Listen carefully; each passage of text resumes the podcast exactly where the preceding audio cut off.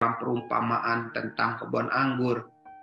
Dia sudah terbiasa menganggur, disuruh bekerja.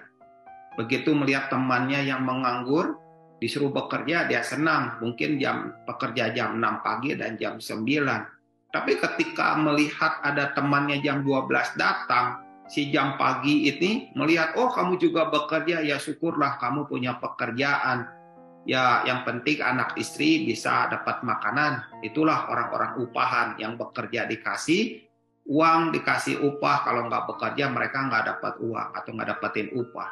Lalu tiba-tiba datang pekerja jam 3 sore. Oh kamu juga bekerja, ya syukurlah. Jadi malam ini anak istrimu bisa dapat makanan. Ketika mereka sedang bekerja menjelang jam 5 sore, tiba-tiba ada kelompok orang pekerja jam 5 datang Oh, kamu juga bekerja, syukurlah. Sampai di titik itu mereka menjaga kasih karunia, menghargai bahwa Tuhan itu baik, menghargai segala sesuatu yang mereka terima dengan luar biasa. Tapi ketika jam 6 sore mereka gajian, mereka dapetin upah, dan si pemberi upah itu memberikan kepada pekerja jam 5 sore, di situlah kesalahan. Harusnya ketika pekerja jam 5 sore menerima upah satu dinar, lalu teman-temannya melihat berapa kamu upahnya satu dinar, aduh syukur ya.